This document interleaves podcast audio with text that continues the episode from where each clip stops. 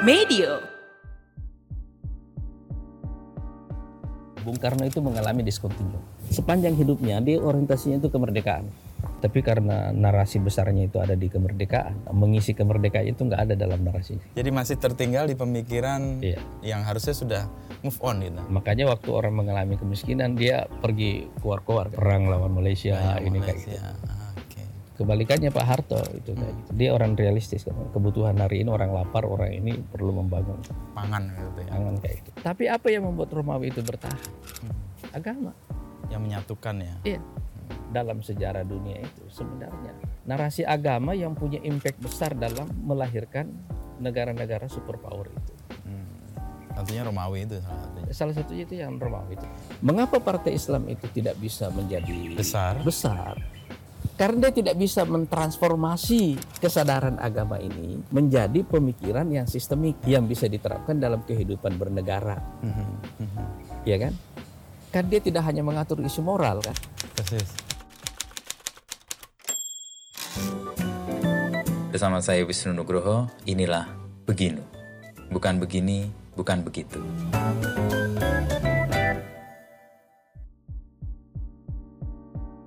Jadi Pak Anies berarti menghidupi gagasan-gagasan besar ya dari perjalanan sebagai Semuanya, iya. personal bahkan ketika berpolitik. Semuanya iya. Termasuk semua ide yang kita pakai di PKS itu sampai bisa tumbuh Mhm. memang pergulatan gitu. Pergulatan. Nah, Mas Anies kan punya concern yang serius soal sejarah nih. Iya. Dan kayak dari sejarah itu kan Mas Anies bisa memetakan atau setidaknya melihat perjalanan masyarakat dunia lah setidaknya. Mas Anies punya Iya. concern geopolitik yang orang kalau nggak baca sejarah mungkin juga nggak.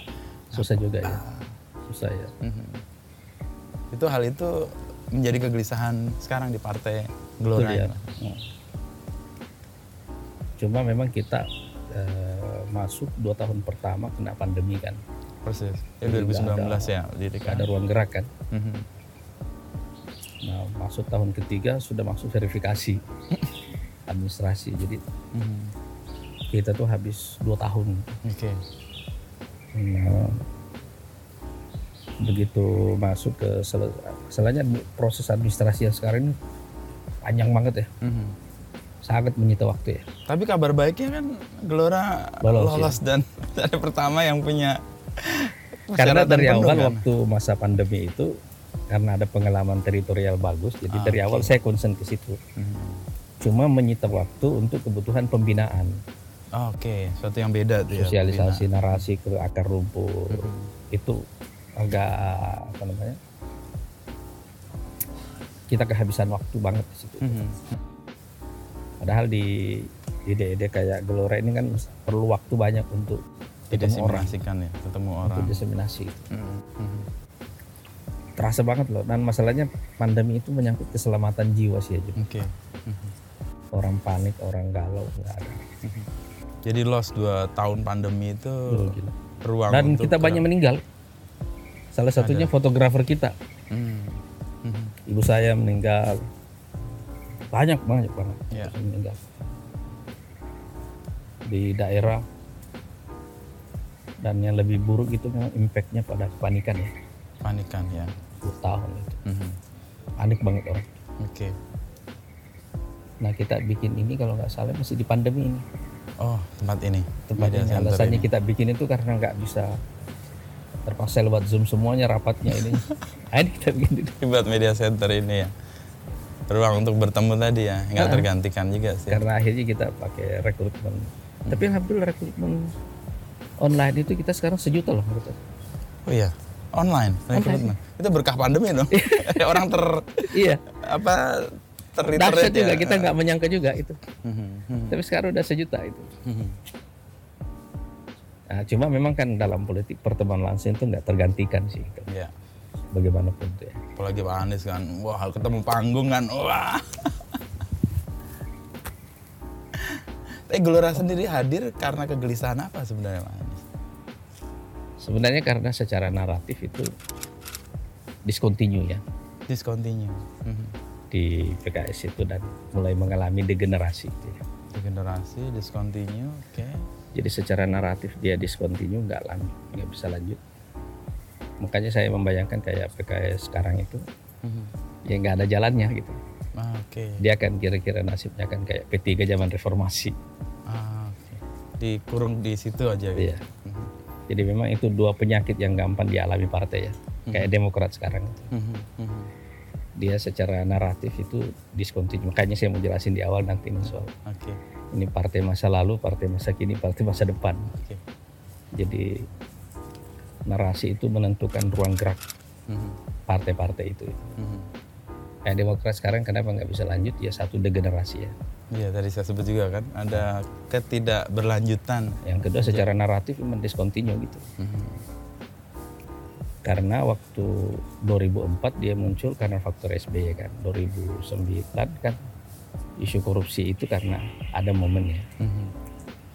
Momen begitu kan susah lanjut itu. Nggak bisa di itu kayak blessing, Blessing jatuh dari langit gitu aja ya. gitu ya. Ah, Susah kayak lanjut kayak gitu. Bandingkan dengan Golkar ya. Mhm. Golkar itu kan karena paling tidak ya basisnya itu real. Dia partai masa kini kan. Mhm. Siapa pun berkuasa dia ada. Ada. Yang kita nggak tahu nanti ini ya. Ah. Tapi Golkar paling sedikit kan dia ada regenerasi juga sekarang di dalamnya itu cukup bagus itu.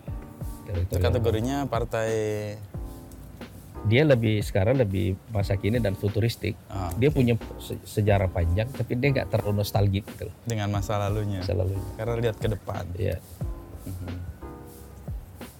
Kalau kayak PDIP sekarang kan dia nostalgik ya. Mhm. Ya masih Dan nostalgia. menurut saya ada ada degenerasi dia mengalami itu. gitu. Jadi walaupun menang, tapi menangnya itu stuck gitu. Ya, Mestinya sebenarnya mereka memanfaatkan Pak Jokowi ya maksimum ya. ya.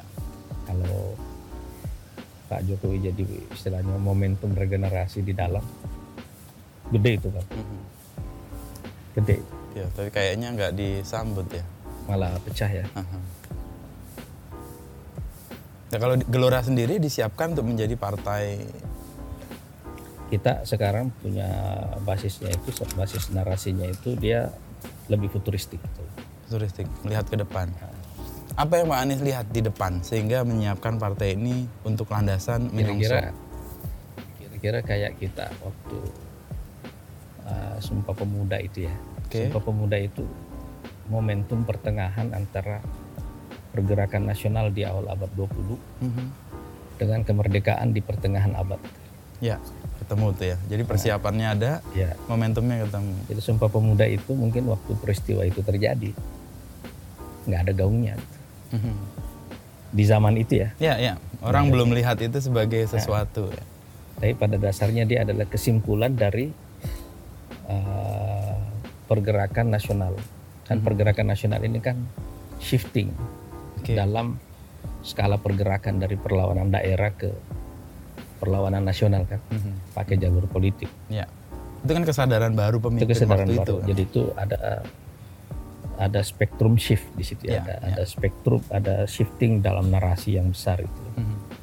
Ruang pergerakan kita meluas secara geografi Ya. Tidak Ya. hanya lokal by Lokal. suku tetapi melintas. dan tidak mengandalkan perlawanan militer. Mhm. Makanya kemerdekaan kita kan nggak ada sejarah militernya besar. Ya. Yang ada itu adalah sejarah mempertahankan kemerdekaan, Nah, oke. perang mempertahankan kemerdekaan. kemerdekaan. Mhm. Tapi kalau sebelum kemerdekaan tidak ada yang bisa ente sebut sebagai apa namanya kayak big battle gitu ya. Mhm. Jadi Gelora berupaya untuk menyambut perkembangan dunia yang Iya. berubah ini. Jadi di di periode itu uh, kan begini kalau secara tahapan dan juga tahapan pribadi waktu itu. Waktu tahun 2009 saya menganggap bahwa PKS ini sudah sampai pada uh, menjadi kekuatan mainstream. Hmm. Jadi dulu ini kan saya mendefinisikannya begini dulu. Ya. PKS itu ada tiga tahapnya. Satu dari outsider menjadi insider. Mhm. Ini kan gerakan bawah tanah Ya. muncul ke permukaan mengintegrasikan diri dalam sistem, Sistem. politik. Mhm. Nah, itu tahap sampai 2004. Oke. 2004 ke 2009 kita masuk menjadi mainstream. Ya, di Makanya pemerintahan. koalisi dengan Mhm. dengan SBY. Setelah itu mestinya masuk menjadi leader. Mhm. Tapi Nah di situ discontinunya Ah, oke. karena dia nggak ada ide, Mhm. nggak ada narasi kenegaraannya itu nggak ada. Nah waktu itu kan ada peristiwa krisis finansial itu ya. 2008. Nah, jadi sejak itu saya mulai concern keluar banyak. Mhm. Nah waktu jadi pimpinan saya punya kesempatan keluar terus dan mulai berinteraksi, Berinteraksi dengan dengan banyak pihak. banyak pemimpin apa pemikir strategis dunia. Mhm. Terus ada kejadian Arab Spring ada. Ya, 2011, 2012. Nah saya di situ sejak itu saya mulai secara otodidak belajar soal geopolitik itu. Ah, oke. Mhm. lebih banyak. Sebelumnya sih belajar tapi nggak cukup Nggak tidak cukup ya? Dari, dari situ saya intens sekali. Mhm. Mhm. Tapi bersamaan dengan itu konflik di dalam udah Terjadi. terjadi. Nah sebenarnya kalau ditelisik akar konfliknya itu lebih ke, karena itu Mhm. discontinue secara naratif Mhm. dan ya nggak ada ide barunya lagi. Ya, ya. Makanya anda lihat kayak PKS sekarang ya begitu. Gitu. Mhm. Jadi dia gagal padahal udah jadi mainstream sebenarnya. kan. Ya, harusnya dia jadi leader setelah Iya. itu. Nah, umumnya kenapa partai-partai Islam yang kemudian ada di mainstream gagal menjadi leader? Di situ. Ya. Itu karena dua tadi itu. Mhm. Satu dia nggak punya narasi kenegaraan. Oke. Narasi kenegaraan itu artinya keluar dari narasi Ini kan Kelompok. outsider semua kan. Mhm, mhm. Partai kanan itu punya kemiripan dengan partai kiri, nggak siap berkuasa. itu. Oke. Kalau berkuasa nggak lama, nggak bisa ajak itu. Karena pada dasarnya kan manfaat dari narasi itu baru terasa waktu kita sampai ke satu tahap. Mhm. Nah jadi begitu kayak misalnya Demokrat ya, begitu dia berkuasa habis itu apa? Mhm. Kosong gitu kan. Ya, ya. Karena pada dasarnya waktu Demokrat naik itu kan gejala SBY gitu loh, Ya, betul, persis. bukan gejala narasi ya. Mhm, mhm. SBY Tokoh lah tidak ya. tokoh gitu ya. Setelah itu hilang ya hilang sudah itu. Mhm, mhm. Nah, persoalan PKS itu dia adalah gerakan, dia nggak punya tokoh banyak. Mhm. Tapi sebagai gerakan dia narasinya itu eh, pendek. Mhm, mhm. Kenapa? Dia nggak punya narasi kenegaraan karena dia nggak punya histori di situ. Oke. Dia outsider Mhm. gitu. Nah sebenarnya semua perbedaan pendapat akarnya itu di situ dia. Orang nggak siap berkuasa. Mhm. Jadi kayak misalnya 2009 itu kita itu menguasai 25% populasi Indonesia dari empat gubernur. Ya, Sumatera Utara, Jawa Barat. Sumatera Barat, Mhm, Jawa Barat, Maluku Utara. mhm, mhm. Empat ini itu 60 juta populasi. Hmm, Oke. Nggak gampang loh itu Iya, hampir 50% lebih kan? populasi. Iya. Artinya satu tahap lagi sebenarnya itu masuk ke itu. Mhm. Tapi cracknya di situ. Oh, nggak ada narasi yang kenegaraan itu. Nggak siap memang. Mhm, Tapi itu tipikal semua partai-partai reformasi ya. mhm, Mau kanan mau kiri sama semuanya. mhm. Jadi kayak kayak PDIP misalnya sekarang berkuasa. Gagap gitu. Mhm. Nah, sebagai partai untuk tidak masuk ke jebakan itu apa yang harus dilakukan ya, Mas Anies? Jika dengan Nah gelora. sekarang makanya kita bikin dulu spektrum dari narasinya secara waktu Mhm. dan secara ruangnya besar. Besar. Iya. Secara waktu kita punya akar sejarah, kesadaran sejarah yang kuat dan punya visi yang futuristik. Tapi pada waktu yang sama kita mesti realistis dengan kebutuhan pemenangan pemilu, Persis. ya kan? Itu secara waktu. Jadi kalau kita membuat definisi partai itu ada tiga partai masa lalu, masa kini dan masa depan. Mhm. Kita punya share di tiga-tiganya ini, walaupun dengan porsi yang paling kuat pada partai futuristik itu tadi. Mhm, mhm. Yang kedua, secara konten kita ini kan terbatasi oleh kanan, tengah, kiri. Ya.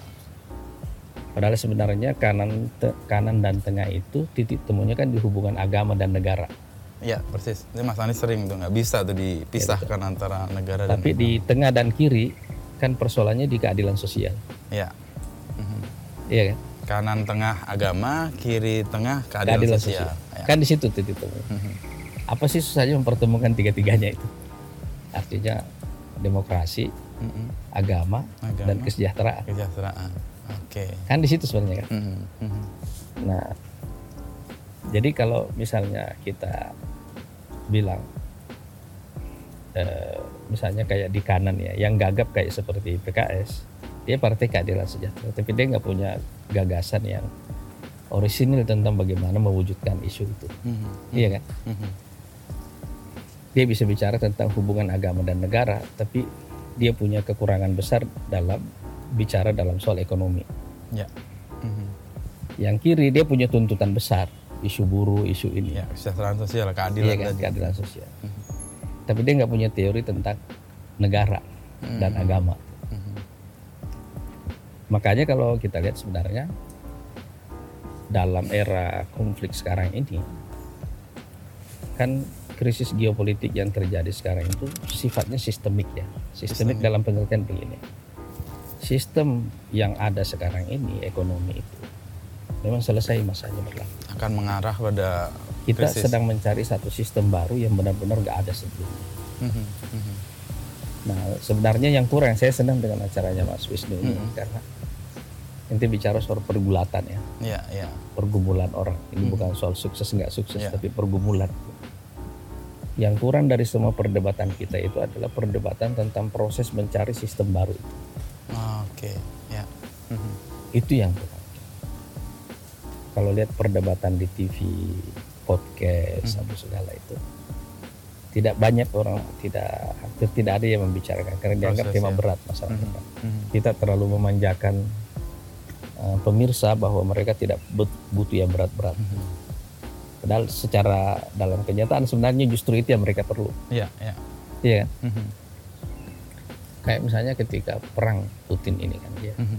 dia bicara tentang sistem uh, dunia yang multipolar. Persis, ya. Nggak lagi bipolar lagi, kekuatan Iya kan? nggak cuma dua sekarang. Ya. Tapi bagaimana wujudnya itu? Mhm. Iya kan? Instrumen institusionalnya apa? Ya. Kan itu orang yang nggak bicara. Mhm. Artinya ada pergolatan besar secara global sekarang kita itu nggak terlibat Kayak di pinggiran ya, Kayak atau malah jadi korban kalau Mas Andi sering sebut Ah, sebagai gitu. collateral damage gitu. Iya. ya. Mhm. Mhm. kita tuh nggak terlibat dalam perdebatan itu Mhm. Iya kan Ya, padahal ini sedang ada goncangan besar gitu. nah sebenarnya kita di di Gelora ini itu yang kita kejar itu Hmm. sayangnya kita di awal itu karena dua tahun pertama hilang Iya, karena pandemi tadi. pandemi itu nggak ada itu, tidak cukup ya. waktu untuk mengakselerasi diseminasi eh, narasinya itu gitu. Mhm. Nah, habis itu kita masuk di pekerjaan teknis sekarang masuk kampanye gitu. Tapi itu kan bagian dari strategi juga untuk kemudian Iya. menuju apa yang tadi kalau Mas Andis membagikan partai masa lalu, partai kini dan partai masa Iya. depan. Nah, Nah, karena apa spektrum narasi kita secara waktu ini panjang karena futuristik begitu. Partai ini punya ruang bertumbuh insya Allah yang besar. Oke. Mhm. Nah, secara narasi juga karena kita mau keluar dari perdebatan kanan tengah kiri ini kayak gitu. Memang waktunya ini kita menggabung tiga isu utama ini, Jadi satu. agama, demokrasi dan Keadilan. kesejahteraan. Mhm. Iya. Mhm. Kan semuanya kan orang sedang mencari modelnya kan di situ. Iya, iya. Cuma sistem apa yang kita pakai untuk mewujudkan itu, itulah perdebatannya sekarang kan. Tapi itu kan butuh apa ya kayak nafas yang panjang dan Butuh nafas meyakinkan panjang, iya. publik bahwa kita butuh narasi loh, butuh Iya. kekuatan supaya tidak ada diskontinuitas Nah, tadi ya itu. contohnya begini, Bung Karno itu mengalami discontinue. Bung Karno. Ya. Sepanjang hidupnya dia orientasinya itu kemerdekaan. Hmm, mhm. Indonesia merdeka waktu umurnya kan masih terlalu muda dia. Ya. Berapa? ya? Empat, empat atau empat lima ya, Bung Karno ya. Dia Bung kan Karno 44, dia 9 empat empat kan. eh, 01 kan? Ya, 45 44 tahun, ya. 20 tahun itu kan kayak disorientasi. itu. Mhm. Selama pemerintahan. Ya memang ada perang itu seperti Ya, itu. ya. Tapi juga ada persoalan disorientasi dalam pengelolaan negara. Memang negaranya juga terlalu besar ya. Ya, Indonesia. Tapi karena narasi besarnya itu ada di kemerdekaan, Mhm. mengisi kemerdekaan itu nggak ada dalam narasi. Jadi masih tertinggal di pemikiran Iya. yang harusnya sudah move on gitu. Makanya waktu orang mengalami kemiskinan dia pergi keluar-keluar kan. Perang lawan Malaysia ini kayak gitu. Malaysia. Ah, Oke. Kebalikannya Pak Harto itu kayak gitu. dia orang realistis kan kebutuhan hari ini orang lapar orang ini perlu membangun Pangan gitu ya. pangan kayak gitu memang dia menyelesaikan semua persoalan itu secara real Mhm. pangan pendidik buta huruf dahsyat loh Ya, semua ya. Mhm. dan keuntungannya kan ada kontinuitas ya selama 30 tahun nah sekarang di Pak Harto itu tidak menyiapkan kesinambungannya Hmm. jadi kalau Bung Karno mengalami diskontinu secara naratif itu Pak Harto itu mengalami degenerasi Oh, yang dua tadi Pak Anies sebut, discontinue, satu degenerasi. degenerasi jadi Pak Harto nggak menyiapkan makanya pemimpin reformasi begini kenapa nggak kuat semuanya Karena nggak ada yang Nggak punya disiapin. kesiapan. Oke. Ya, nggak ya. ada gitu Mhm, mhm. Jadi kita sebagai bangsa, kalau boleh dibilang secara teknologi kita mundur loh dalam 20 tahun terakhir. Mundur. Combine to China, Mhm. Oh iya iya. kan? Mhm. Combine ke Korea misalnya kayak gitu. tuh. Ya. Kenapa? Karena kita sibuk dengan persoalan politik dalam negeri. Memang ada partisipasi tinggi kayak begitu tuh. Dan kita mungkin agak tertipu dengan eh, istilah one trillion dollar itu ya Ya. Sebagai GDP. Ya. Tapi sebenarnya potensi kita itu jauh lebih Jauh besar lebih dari besar. itu. Mhm. Nah, gap ini yang sekarang kita kita urus di Gelora itu. Mhm. Itu kenapa Pak Anies sering menyebut superpower Baru Indonesia, superpower Karena Indonesia. itu yang saya bilang kita itu mengalami karena ada degenerasi di masa Pak Harto itu kayak gitu tuh. Jadi yang terjadi selama masa reformasi itu kayak sintesa aja gitu. Mhm. Kita sebagai negara kelas menengah dapat, tapi sebagai ne- negara demokrasi juga dapat. Mhm. Mhm. Cuma di compare kepada seluruh kemampuan kita yang kita capai ini kecil Oh, oke. Gitu.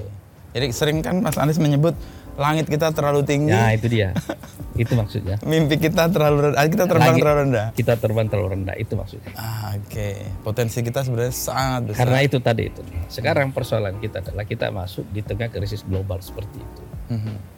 Jadi potensi bahwa kita bisa menjadi collateral damage itu muncul kembali. Hmm, Kalau kita nggak punya narasi, nggak punya kemampuan untuk menjadi Ya. pemain tadi ya. Nah, tantangan terbesar Gelora itu sebenarnya adalah menghadapi mazhabnya Chul itu, political marketing. Melengkapi itu. Kan mazhabnya DDJA, Iya, mazhabnya iya, iya. lembaga survei ini semua kan. Elektoral kan semua. Elektoral semua. gitu.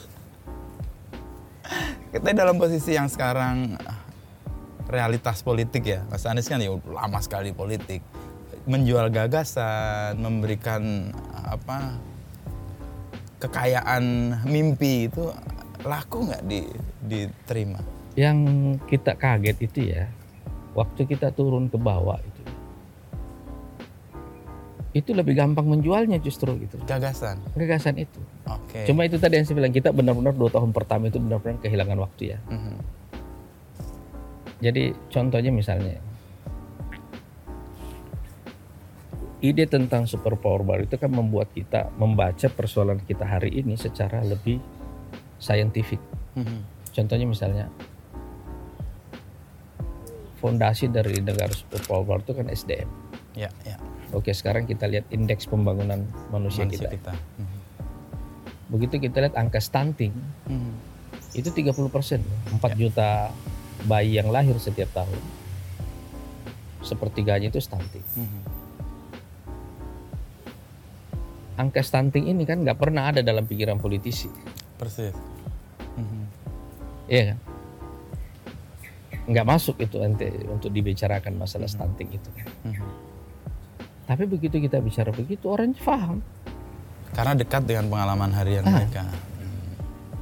Kalau stuntingnya 30 persen kan artinya setiap tahun ada 30 persen manusia Indonesia yang lahir yang akan jadi beban masyarakat, beban negara dalam jangka menengah, jangka panjang. Ya, betul. Iya kan? Mhm. Jadi ente cuma punya dua per tiga ini populasi. Iya kan? Mhm. Artinya ente sudah memikul beban dari awal yang seharusnya kalau ente tahu bisa bagaimana mengatasi semua. Ente itu bisa jadi mengatasi beban. itu. Ya. kalau kita pendekatnya political marketing dari awal Mhm. itu nggak masuk di janji. Kenapa? Karena ibu hamil cuma 4 juta kok. Bukan faktor penentu untuk mendapatkan Yes. suara. Oke. Iya kan? Mhm. Tapi begitu Anda bawa ke dalam skala yang lebih luas, lain lagi gitu. Kan itu kayak ada tegangan ya Mas Anies. Satu sisi yang sangat praktikal dan untuk mendapat kekuasaan, sementara yang lain kan gagasan besar untuk memanfaatkan kekuasaan itu untuk apa gitu kan. Nah, di situlah perlunya sebenarnya narasi itu, gitu. Mhm. supaya waktu kita berkuasa itu kita tahu kekuasaan ini cuma alat, Oke. tidak lebih dan tidak kurang. Mhm, mhm. Nah di apa namanya di kita di Gelore ini ya kita punya karena pernah punya pengalaman ada da- juga dalam kekuasaan jadi kita Oke. pikir ah, itu satu sentuhan pertama yang kalau kita kembali lagi kita lebih bisa mengatasinya. Oke. Mhm. Nah memang kalau untuk mengatasi kebutuhan elektoral di lapangan itu sebenarnya sih lebih gampang buat kita ya karena begitu kita menurunkan ide abstrak itu menjadi nyata Mhm.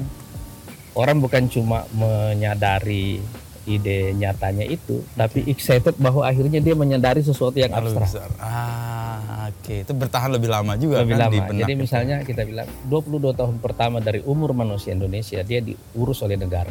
Mhm. Mulai dari dia dalam kandungan supaya Sampai ibunya nggak stunting, Mhm. seribu hari pertama, habis itu masuk TK kita bikin pendidikannya full day school Mhm. sampai SMA, tapi kita tambah angka kewajiban belajarnya jadi 16 tahun. Oke. Jadi kuliahnya pun kita gratiskan. Mhm. Mhm. Kalau orang kuliah, orang sekolah full day school sampai jam 4 lah misalnya jam 3, jam 4 ya begitu. Anak-anak di sekolah Mhm. kan kita harus kasih dia makanan Ya, sehat. gratis di sekolah kan. Tanggung jawab lah itu negara. Tanggung jawab kan. Mhm. Secara angka ini katakanlah 70-an juta lebih lah Mhm. populasinya Mhm. semua.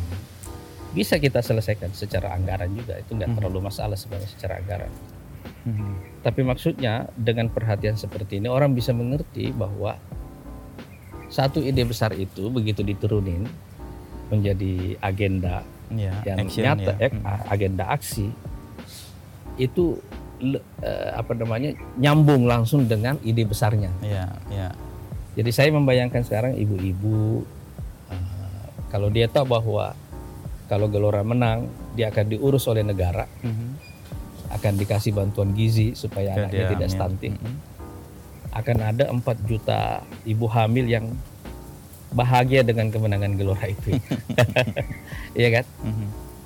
Terus kalau dia tahu bahwa dia juga akan mendapatkan bantuan pada seribu hari pertama Oke. setelah kelahiran anaknya, dia juga tahu bahwa beban hidupnya akan dikurangi oleh negara, negara. dengan cara itu. itu. Mhm.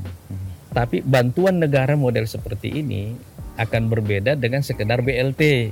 Persis. Karena nggak ada narasinya, nggak Iya, ada iya kan? gagasannya. akan berbeda sama sekali. Mhm. Ini membangun generasi. Ini akan kita akan mendapatkan generasi yang waktu muda diurus oleh negara, waktu dewasa dia akan menjadi pemikul beban negara. Mhm. Nah, kalau dia masuk S, E TK, SD, SMP, SMA, gitu ya. Dan full day school, apa dampak sosialnya? Dampak sosialnya satu, waktu anak-anak tenaganya, energinya secara fisik itu kan habis di sekolah. Mhm. Mhm. Dia nggak akan punya waktu keluyuran gitu. Kenakalan-kenakalan ya. Jadi isu yang namanya kenakalan remaja, kriminalitas, otomatis ini secara akan otomatis ini akan, ya. Mhm. akan berkurang secara sistematis. Gitu. Mhm. Mhm. Begitu begitu caranya kita bekerja gitu. ya. Ya. Sekarang kalau anda kan anda punya masalah dengan isu narkoba kan, Mhm.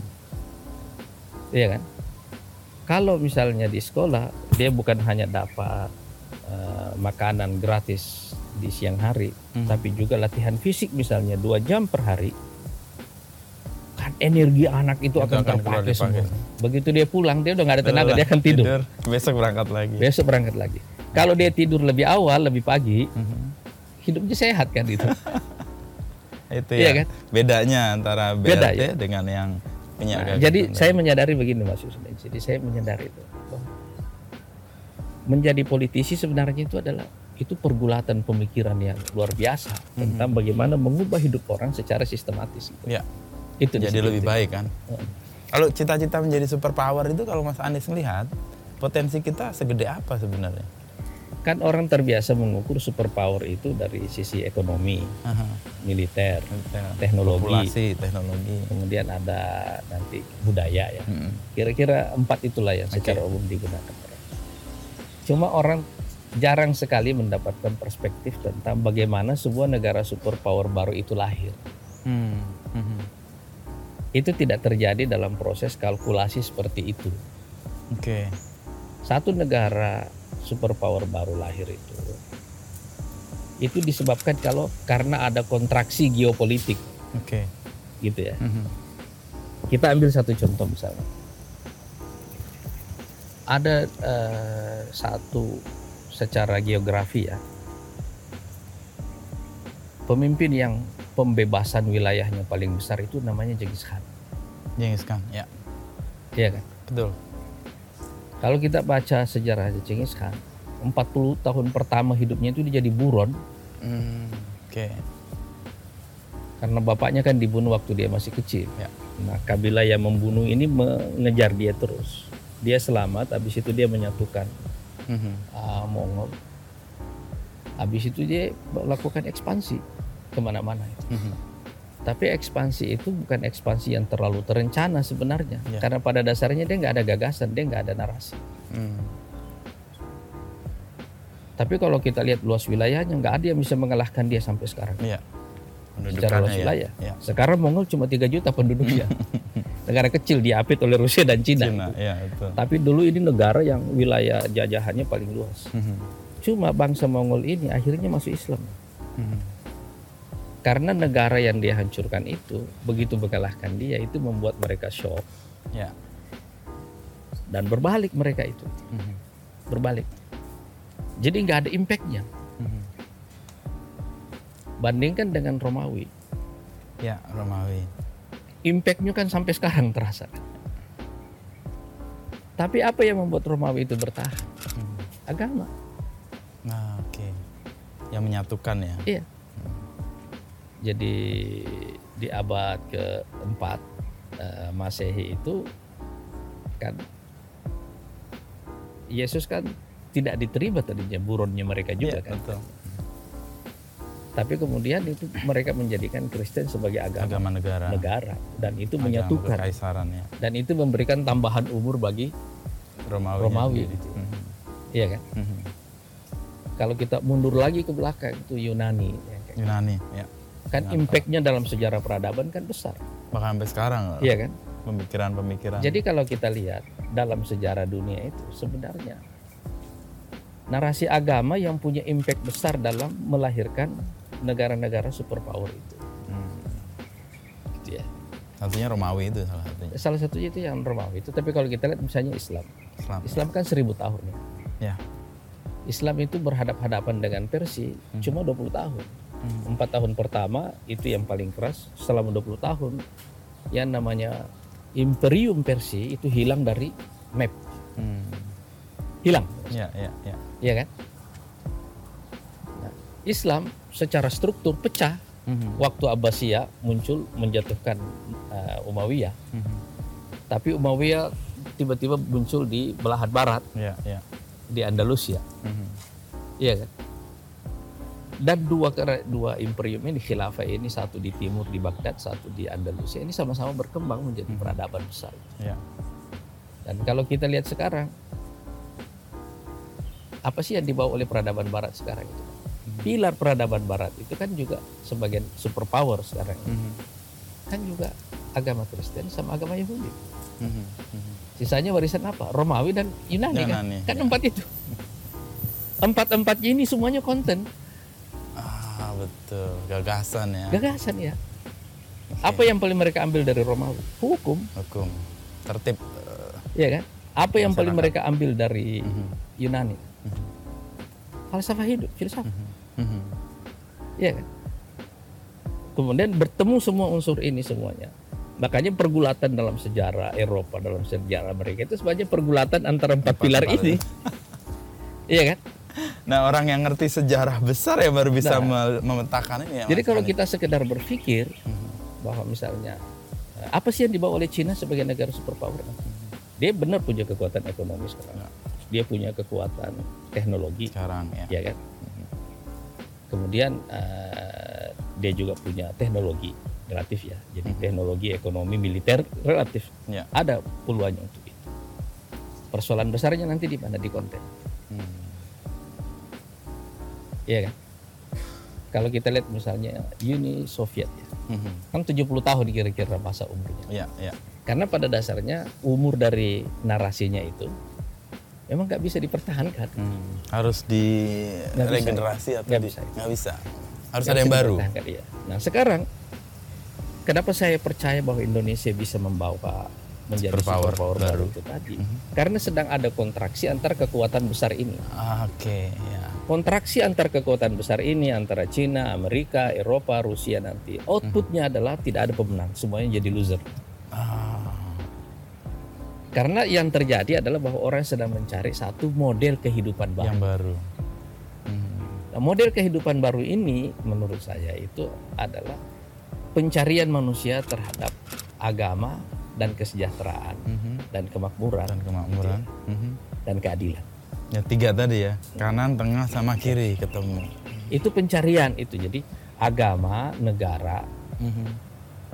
gitu ya. Keadilan sosial dan kemakmuran kolektif. Kenapa ke- saya mengatakan kemakmuran ya? Mhm. Salah satu dampak dari kapitalisme ini kan adalah kesadaran manusia terhadap standar hidup, Ya, iya kan? Orang terbiasa dengan itu itu. Orang eh, eh, se- sekarang ini menjadi kapitalis hampir by nature gitu kan. iya kan? karena dia mengejar standar hidup. Orang itu mengejar tadi. standar hidup Iya, yang, betul. yang sangat kuat kan. Mhm. Jadi kita eh, apa namanya? sedang berusaha. Mhm. Nggak bisa kita hilangkan ini. Agama harus punya jawaban juga terhadap masalah ini. Mhm. Mhm. Tapi orang juga punya kesadaran sekarang ini bahwa itu tidak bisa mem- eh, membuat kita bisa berhadapan dengan alienasi, Mhm. Keterasingan gitu. ya. keterasingan, kesepian dan seterusnya. Coba Ya. anda bayangkan, mahasiswa. Di Eropa kira-kira setengah populasinya itu kan hidup sendiri. Ya. Dan orang punya persoalan fundamental dalam hidup, masalah social relationship. Persis. Kesepian, kesendirian. Bangunan keluarga hancur, Mhm. iya kan? Mhm. Karena pada dasarnya orang saling curiga. Mhm. Kapitalisme ini mengubah hidup orang dan menghancurkan fondasi kehidupan sosial manusia. Salah satunya keluarga. Salah satunya itu keluarga. Makanya sekarang di negara-negara kayak Eropa, kenapa orang nggak mau punya anak? Mhm. Itu bukan sekedar karena beban ekonomi. Ya. Itu juga menyangkut masalah orang tidak percaya dengan hubungan jangka panjang. iya kan? Karena dibangun trustnya tidak ada dari awal. Nggak ada. Ya, ya. Nah sekarang yang terjadi apa? Populasi berkurang. Ya. Mereka mengalami degenerasi. Degenerasi ini kan kehancuran, Iya. Yang tadi Pak Anies menyebut ya. Pertama kan soal discontinue. discontinue, yang kedua adalah Ya, degenerasi. degenerasi. Ya. Nah sekarang peradaban ini mengalami degenerasi. gitu. Hmm. Nah tapi ini kan menghancurkan bangunan sosial secara keseluruhan. Ya. Karena bangunan sosialnya dihancurkan secara keseluruhan. Orang mulai bertanya terus kalau kita sejahtera tapi tidak bahagia, Gimana dong? gunanya apa ya kan? Akhirnya mau tidak mau orang kembali kepada agama. Konten tadi itu Iya. ya. Orang kembali kepada agama. Mhm. Nah karena orang kembali kepada agama, saya melihat Indonesia itu begini. Ini negara yang secara size, kalau di hutan ini ya, bukan gajah, Mhm. tapi singa. Oke. Gede juga bukan segede gajah, tapi singa ini. Iya, iya. Ukurannya sedang, Tapi ya sangar gitu. ya. Nah, ukurannya sedang bisa menjadi kalau kita pakai teori ekonomi bisa menjadi uh, integrated domestic market Mhm. Mhm. bisa menjadi pasar domestik yang terintegrasi Iya. seperti Uni Eropa tapi pada waktu yang sama juga bisa jadi model tentang uh, apa namanya agama dan kemakmuran. Dan keadilan tadi. dan keadilan Tiga tadi. bisa bisa menjadi model Aha. Tapi kalau dalam sejarah kita sebenarnya keinginan untuk menyatukan itu kan dari pendirian negara ini sebenarnya udah ada. sudah ada gitu. Aha. cuma kan waktu kita lahir kita lahir dalam dunia yang terbelah Ah, oke, dua kekuatan Dua kutub bipolar gitu ya. kan. Oke. Mhm. Iya kan? Kalau kata Hatta kan kita mendayung di antara dua, Dua karang. karang ya. Iya. Aha. Sebenarnya seharusnya sekarang ini kita tidak berpikir lagi dengan Dua cara karang. itu. Mhm. Kita berpikir bagaimana menjadi model bagi dua karang yang hancur ini sekarang. Mhm. Karena mereka akan mencari kan. Mereka akan mencari. Siapa yang bisa dijadikan Pencarian acuan? manusia itu ada di situ. Jadi misalnya waktu Putin dengan powernya dia bisa bicara tentang dunia yang multipolar. Mhm. Tapi apa itu dunia yang multipolar? Bagaimana modelnya? Ya. Orang akhirnya akan kembali kepada satu pencarian tentang model sosial itu tadi. Mhm. Dari sini saya melihat bahwa jika Indonesia punya bakat DNA untuk menjadi model seperti itu dan saiznya memungkinkan untuk Mhm. itu. Sebenarnya awal dari satu negara menjadi eh, Superpower baru. itu bukan karena kemenangan-kemenangan militernya sebenarnya di awal. Mhm. Bukan karena itu, Tapi tapi karena dia berhasil menjadi center of gravity dari pergerakan manusia itu. Oh, oke, yang tadi hancur, yang tadi Itu nanti di situ sebenarnya Mhm. orang. Kenapa? Karena dunia kita sekarang ini terlalu terintegrasi. Mhm, mhm. Kalau mau perang total sekarang, ya kan kiamat. Ya, semua terpengaruh kan? Semua terpengaruh, Nyambung, ya. ya. Jadi nggak ada nggak ada pilihan yang terlalu mudah. Orang tidak akan mencari pilihan itu. Orang akhirnya akan terpaksa. Konflik ini akan berlangsung lama, Eh, mendegradasi semua kekuatan superpower sekarang ini, Mhm. dan setelah itu akan menarik mereka menjadi semacam uh, isolationist gitu ya, Ya. Menyendiri sampai kita menemukan pola baru. Ya. Nah, di mod- di dalam proses itulah saya percaya bahwa Indonesia inilah momentumnya Indonesia menjadi superpower. Superpower. Nah, untuk jadi kekuatan atau super power baru tadi, Mas Anies kan lihat ada konten yang kuat ya, dan Indonesia ada di posisi itu menawarkan sesuatu ya. Tapi di akademisi kita kan sering membedakan antara negara dan agama itu sesuatu yang terpisah. Kalau Mas Anies kan punya pandangan yang justru berbeda karena melihat pengalaman Romawi atau superpower superpower baru yang kemudian datang dan kemudian berhenti karena kekosongan tadi itu. Mas Anies lihat gimana? Kan ide pemisahan agama dan negara ini akarnya kan konflik saintis dan gereja di Eropa Ya. yang nanti berkembang menjadi pemisahan total Ya, yang isu sekularisme itu ya. isu sekularisme itu kan itu dasarnya. Sekularisasi gitu ya. Sebenarnya ide sekularisme ini kan atau pemisahan agama dan negara ini kan akarnya konflik gereja dengan saintis di Eropa ya. Lalu berkembang menjadi pemisahan negara dan gitu ya. gereja Mhm. secara politik gitu ya. Dan uh, yang menipu dalam tanda petik ya dari ide ini adalah karena ada pertumbuhan ekonomi yang luar biasa dari uh, Eropa Mhm. pada waktu itu ya. Walaupun orang lupa sebenarnya bahwa pertumbuhan ekonomi Eropa yang luar biasa pada waktu itu sebenarnya ditopang oleh sains Ya. di satu sisi yang melahirkan nanti industrialisasi. Mhm. Tapi di sisi yang lainnya itu gelap, penjajahan. Ya, ya. Yang orang nggak sering mengungkap itu. Nah, iya kan? Mhm. Jadi kemajuan sains ini disertai Ekspansi. dengan penjajahan di sisi yang lainnya ini. Mhm. Korban kemanusiaannya ini kan orang yang tidak lihat. Itu satu sisi. Yang kedua, kalau ini korbannya tadinya eksternal, dunia luar, Mhm. ya kan? Dunia di luar Eropa, Ya. Di Afrika, di Amerika Latin, Di di Asia bahkan. ya kan? Negara kita juga kebagian. Negara gitu kan kebagian itu ya. Tidak berdampak bagi mereka dalam perspektif kemanusiaannya itu ya. Mhm. Mhm. Ya budak ya budak aja karena dia dia membuat strata Ya, ya. manusia ada yang manusia budak ada yang mereka adalah makhluk yang terbaik ya. Mhm. tapi kemudian ini berbalik kepada kehidupan mereka sekarang Mhm. Panjang ya jangkanya. Iya, ya. makanya. nah sekarang ketika kehidupan sosial mereka sekarang ini hancur Mhm. dan mereka mengalami degenerasi sekarang ini, Mhm. apa yang mendorong mereka benar-benar membenci Islam sih Mhm. karena mereka sekarang mengalami degenerasi itu Ya, ya. sumber kehancuran terbesar mereka sekarang yang sangat mengkhawatirkan itu adalah populasi Degenerasi tadi. degenerasi Mhm. Semua insentif untuk menambah Populasi, Populasi. diberikan, pajak Itu dikasih, tapi bebas. nggak ada hasilnya sekarang. Mhm. iya kan? Kalau anda bicara sekarang persoalan imigrasi imigran di Eropa ini. Kenapa ada imigran di Eropa itu? Karena itu. Mereka Kebutuhan mengalami tenaga. depopulasi. Depopulasi yang disebabkan oleh sistem yang mereka bikin sendiri. Sementara di luar sana gitu bayangkan dari 8 juta populasi manusia sekarang Mas Wismin, ya. 8 miliar. Ya, 8 miliar. Kan cuma satu miliar yang kulit putih. Mm-mm. Iya kan? Saya kulit yang berwarna lain lah ya. Yang lain kan berwarna semuanya. Mhm. Dan kalau Anda lihat bagi apa namanya demografi ini berbasis agama sekarang ini kan yang muslim kan 2 miliaran lebih sekarang. Mhm. Satu-satunya apa namanya pemeluk agama yang secara populasi terus bertambah sekarang ini kan muslim sekarang. Ya, ya. Dan kalau yang kulit putih ini katakanlah ini Kristen ya sekarang. Iya kan? Kebayang nggak bahwa itu adalah eh, mereka juga mengalami depopulasi. Mhm. Artinya pemeluk agama ini kan juga akan berkurang Karena berkurang ya.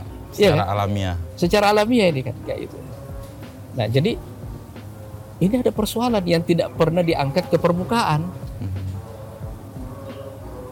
Karena itu label teroris, label ini Diberikan. di- kepada Islam ini ini nggak nggak berpengaruh semuanya karena persoalan fundamentalnya adalah masalah populasi.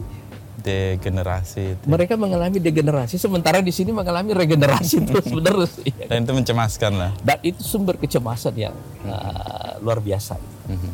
Ini satu ya. Ya. Yang kedua, kalau dalam konsep uh, negara liberal ya, Ya. Yang mengesampingkan agama karena dari akar konflik yang panjang ini, begitu diterapkan di dunia Islam, itu nggak bisa, Nggak masuk. nggak masuk. Mhm. Kenapa nggak masuk? Karena pada dasarnya nature-nya itu berbeda. Persis ya. Maka secara alamiah juga resisten ya. Ya, Katakanlah Anda mau memakai uh, pendekatan political marketing, Mhm. iya kan? Sekarang ini. Survei-survei juga menunjukkan bahwa acara yang paling disenangi oleh masyarakat itu adalah acara keagamaan. Iya kan? Ya. Jadi memisahkan agama dari negara, Negara hampir mustahil. itu mustahil. Itu kecelakaan sejarah yang ada di Eropa. Dan impactnya sekarang. Impactnya sekarang. Dari generasi tadi. Impactnya sekarang. Mhm. Tapi apa persoalan di negara Islam sekarang? Mhm. Persoalan di negara Islam sekarang ini adalah bahwa mereka tidak membawa kesadaran agama ini menjadi konsep yang bisa dijadikan sistem Ah, menyelesaikan persoalan. untuk melahirkan output Oke. yang diinginkan oleh publik, Mhm, mhm, gitu loh. mhm. Jadi ada kesadaran agamanya tinggi. Cuma kesadaran agama ini harus diturunkan Mhm. menjadi sistem Oke.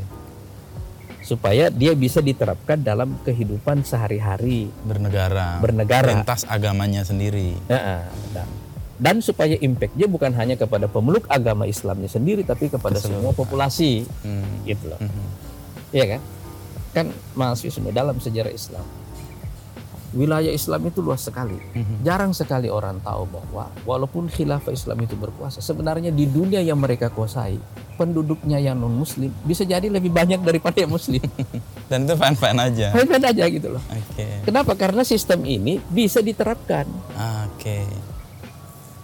Sebenarnya pergulatan pemikiran para politisi muslim atau yang katakanlah yang kita sebut sekarang Islam politik Mhm. adalah Ada di sini situ. sebenarnya gitu. Ah, Oke. Mengapa partai Islam itu tidak bisa menjadi Besar. Besar. Karena dia tidak bisa mentransformasi kesadaran agama ini Mhm. menjadi pemikiran yang sistemik Oke. yang bisa diterapkan dalam kehidupan bernegara, Mhm. Mhm. ya kan? Kan dia tidak hanya mengatur isu moral kan? Persis. ya kan kan kita bisa melarang oke kita bisa bikin undang-undang perda misalnya atau undang-undang dalam skala nasional untuk melarang minuman keras miras dan seterusnya iya Mhm. tapi kan nggak cukup sampai di situ kan Ya. anda harus punya aturan yang lainnya yang punya impact menimbulkan kehidupan yang lebih baik bagi manusia Mhm. kan itu sebenarnya yang orang ingat kan Mhm. jadi dalam hal ini ini ada dua masalah di ide tentang Agamanya. pemisahan agama dan negara ini. Ini eh, tidak bisa dipakai di sini karena di tempat asalnya sendiri dia Sudah sudah, bangkrut menciptakan ya? masalah sudah bangkrut. Mhm. Tapi yang membawa ide agama ini punya tantangan yang harus mereka selesaikan. Tidak hanya idenya tapi juga disistematisasi. Harus disistematisasi. Ah, Di oke. situ tantangan terbesarnya sebenarnya. Dan Gelora hadir di situ sebenarnya. Nah, kita hadir di sini. Mhm. Saya dari awal mengatakan saya bilang ini partai ini dasarnya adalah Pancasila, Mhm. tapi kepribadiannya adalah Islam. Oke. Karena saya ingin menggabungkan agama dan negara dalam perspektif itu. Oke. Tapi agama yang kita bawa ini adalah agama yang ingin kita turunkan sebagai sistem yang bisa menciptakan hidup yang lebih baik bagi masyarakat. Ah, Oke. Iya kan? Ya, ya. Itu yang saya katakan tadi. Kenapa sekularisme itu menipu kita dalam waktu yang Yang lama di panjang. Eropa seperti itu? Karena dia tiba-tiba menciptakan pertumbuhan ekonomi yang luar biasa. Padahal membuat eksternal Padahal damage. ini dia nggak tahu nih kemajuan ini ada ongkosnya. Ya. Nah, ongkosnya itu di negara kita ini. iya kan? Persis. Dan dia nggak melihat itu Dia nggak sebagai melihat ongkos. itu. Baru setelahnya re- Nah, para degenerasi pengikut itu. eh, apa namanya sekularisme di dunia Islam itu umumnya menjadikan Barat sebagai model hidup. Dia nggak tahu bahwa Ada- kemajuan yang ada di saat ini ada ongkosnya yang gelap ini, Dan ada yang ditutup juga kan? yang ditutup masalahnya gitu. Iya, iya, iya. Sekarang di era yang fair. terbuka begini kan nggak bisa. Orang bisa lihat semua. Orang bisa melihat semuanya. Gitu. Mhm. Jadi saya pernah diundang oleh teman-teman Federasi Islam se-Eropa Oke. di Belgia. Belgia. Mhm. Kita diskusi terbatas, diskusi kecil mas. Mhm. Mereka tanya saya itu, menurut Pak Anies, itu, apa saran anda untuk eh, gerakan Islam di Eropa? ini?" Mhm. Saya bilang ini saatnya anda masuk ke politik. Pak Anies bilang gitu. Iya. Anda harus menjelma menjadi kekuatan politik. Hmm. Dia bilang, mereka bilang sih, "Nah, sebenarnya kita punya masalah yang saya pikir tadinya sudah selesai. Persoalan integrasi sosial mereka itu. Integrasi. Sebagai imigran, Ternyata masih jadi soal. masih itu masih jadi persoalan. Mhm. Mhm. Cuma saya bilang kan secara populasi ini kan tidak terelakkan gitu. Ini masalah waktu. Ini masalah waktu dan orang akan menggunakan kebencian kepada agama, kebencian kepada imigran sebagai isu politik. Mhm. Makanya harus dikonter dengan politik juga. Cuma yang menggunakan isu ini juga nggak punya solusi lain. Kenapa? Karena akar masalahnya itu di depopulasi, de- Ah, degenerasi yang tadi. mereka alami. Degenerasi ini disebabkan oleh falsafah hidup yang mereka bangun sendiri itu tadi, Mhm. hancurnya hubungan sosial mereka itu. Salah satunya keluarga tadi. Salah satunya keluarga itu tadi kan. Jadi kalau orang nggak populasinya nggak nambah secara otomatis, Anda nambah imigran, Persis. iya kan? Dan Kalau akan nambah nambah. imigran secara populasi nanti, ini Anda lihatlah Inggris sekarang kan, Mhm. perdana menterinya orang India. Itu soal yang panjang ya di Inggris Itu itu. ya? itu akar yang panjang kayak gitu. kan. Oke. Kan ini akan terjadi secara perlahan-lahan Mhm. Di di Amerika, lainnya. di Amerika, di Eropa ini akan Amerika terjadi udah nih wakilnya kan dari Bu Kamala Harris itu kan juga India. udah mix semua kan? Iya, iya. Kenapa? Karena yang kulit putih tinggal satu miliar. Iya kan? Mhm. Nah, jadi sekarang ta- justru tantangannya kepada kekuatan Islam politik ini. Mhm. Mhm. Bagaimana mereka membawa agama ini sebagai solusi, sebagai narasi, sebagai kesadaran yang bisa dijelmakan menjadi sistem kehidupan sosial, ekonomi, politik untuk menciptakan output kehidupan yang lebih baik tanpa ada korban kemanusiaan seperti dalam kemajuan Eropa itu. iya kan? Iya, iya, iya. Nah, itu makanya saya percaya betul bahwa Indonesia karena size-nya itu Medium lah ya. ukurannya medium begitu ya 300 Jutaan lah. jutaan 10 tahun nanti lagi ya. ya, beberapa tahun lagi mungkin jadi 350 beberapa tahun kemudian ini kan angka yang menengah tidak segede Cina atau Ya. India sekarang ini kan Tapi meters lah angka segitu. ya. angka ini ini kan kita lebih mirip sebenarnya dengan Amerika gitu Mhm. Mhm. yang kedua secara sumber daya kita punya semuanya Persis. untuk menjadi eh, pasar domestik yang terintegrasi Mhm. sumber daya alam kita itu bukan cuma banyak loh. Vino, tapi juga variatif sekali gitu Mhm. Mhm. Nah jadi kalau dia banyak dan dia variatif Jumlahnya dan ragamnya kan. jumlah dan ragamnya banyak kayak gitu. Ini kan persoalannya jadi apa? Tinggal masalah teknologi kan, Mhm. iya kan? Tinggal masalah sistem, Ya. tinggal mengaitkan ini, iya kan? Nah, saya melihat bahwa kenapa saya bicara tentang uh, pasar domestik yang terintegrasi? Terintegrasi. Mhm. Karena konflik global ini nanti Mhm. dalam prosesnya itu ada proses deglobalisasi. Mhm. Orang nggak mikir lagi Ah. globalisasi lagi. Karena Amerika dalam konfliknya melawan Cina sekarang dia berkepentingan dengan memotong mata rantai ini semuanya kan. Jadi secara otomatis dunia ini akan dipaksa untuk Terpisah-pisah. berdiri Mhm. d- di atas kakinya sendiri. Ya. Nah, Amerika punya ke- kelebihan itu. Mhm. Wilayahnya relatif luas, populasinya juga Besar. uh, besar kayak begitu. Tapi sumber daya alamnya juga memadai Mhm. dan Untuk teknologi tentu sendiri. saja ya. Ya. Jadi kalau dia terisolasi pun Mereka ini bisa seperti survive lah ya. Donald Trump ini kan, oh, paling bisa survive itu Hmm. dibanding Cina, Oke. gitu ya. Iya, iya. Cina sumber daya alamnya nggak cukup loh. Dia harus ikut orang lain Dia atau akan sangat tergantung kepada eh, apa namanya Negara negara, lain. Hmm. luar kayak gitu. Walaupun sekarang dia juga berorientasi ke ke dalam. ke dalam. gitu ya. Hmm. Tapi Eropa misalnya kan nggak punya banyak pilihan sumber daya alam kan, Mhm, mhm. iya kan. Nah, dan saya kira pergulatan basis ya, yang paling dasarnya kan di masalah energi ya, kalau kayak di Eropa itu. Mhm. Tapi Indonesia punya semuanya gitu. Iya. Jadi kita bisa istilahnya bi- bi- sangat mungkin kita ini walaupun kita tidak tidak anti globalisasi, ya. Ya. tapi maksudnya dalam proses itu kita bisa survive. Mhm. Nah, kalau kita bisa menjadikan model ini pertemuan antara agama, Negara kemakmuran dan keadilan sosial ini menurut saya itu orang akan melihat. orang akan melihat ini akan menjadi semacam model yang dilihat orang. Mhm. Anda tidak perlu punya kekuatan militer yang Hebat atau canggih besar untuk menjadi orang panutan gitu. semua nggak perlu gitu. Karena justru itu orang hindari nanti. gitu. Iya kan? Iya. Nah, tapi dari situ juga nanti akan memicu pertumbuhan lanjutannya. Hmm. Mhm. Nah, sekarang kalau kita kembali kepada persoalan di negara-negara Islam kayak seperti saya ketemu Mursi almarhum presiden Mesir itu tahun 2005 ya. Ketemu lagi eh, saya ke sana lagi waktu Arab Spring ya. Ya, 2012. saya 11. menyaksikan bagaimana eh, bagaimana Arab Spring ini mengalami proses discontinue karena ada counter Ya. dari kekuatan eh, global lah ya. Kekuatan global besar lah. kekuatan lokalnya juga regionalnya gitu ya. Tapi saya juga melihat bahwa persoalan dasar mereka itu, saya ambil contoh misalnya Tunis ya. Indonesia. Mhm. Saya mengenal pemimpin uh, ketua parlemennya dengan baik, Sheikh Rashid Ghanouchi ya, yang banyak jadi penutan di dalam ide-ide Islam dan demokrasi di dunia. ya. Tunis ini negara kecil, Mhm. populasi sekitar 10 juta gitu. Oke.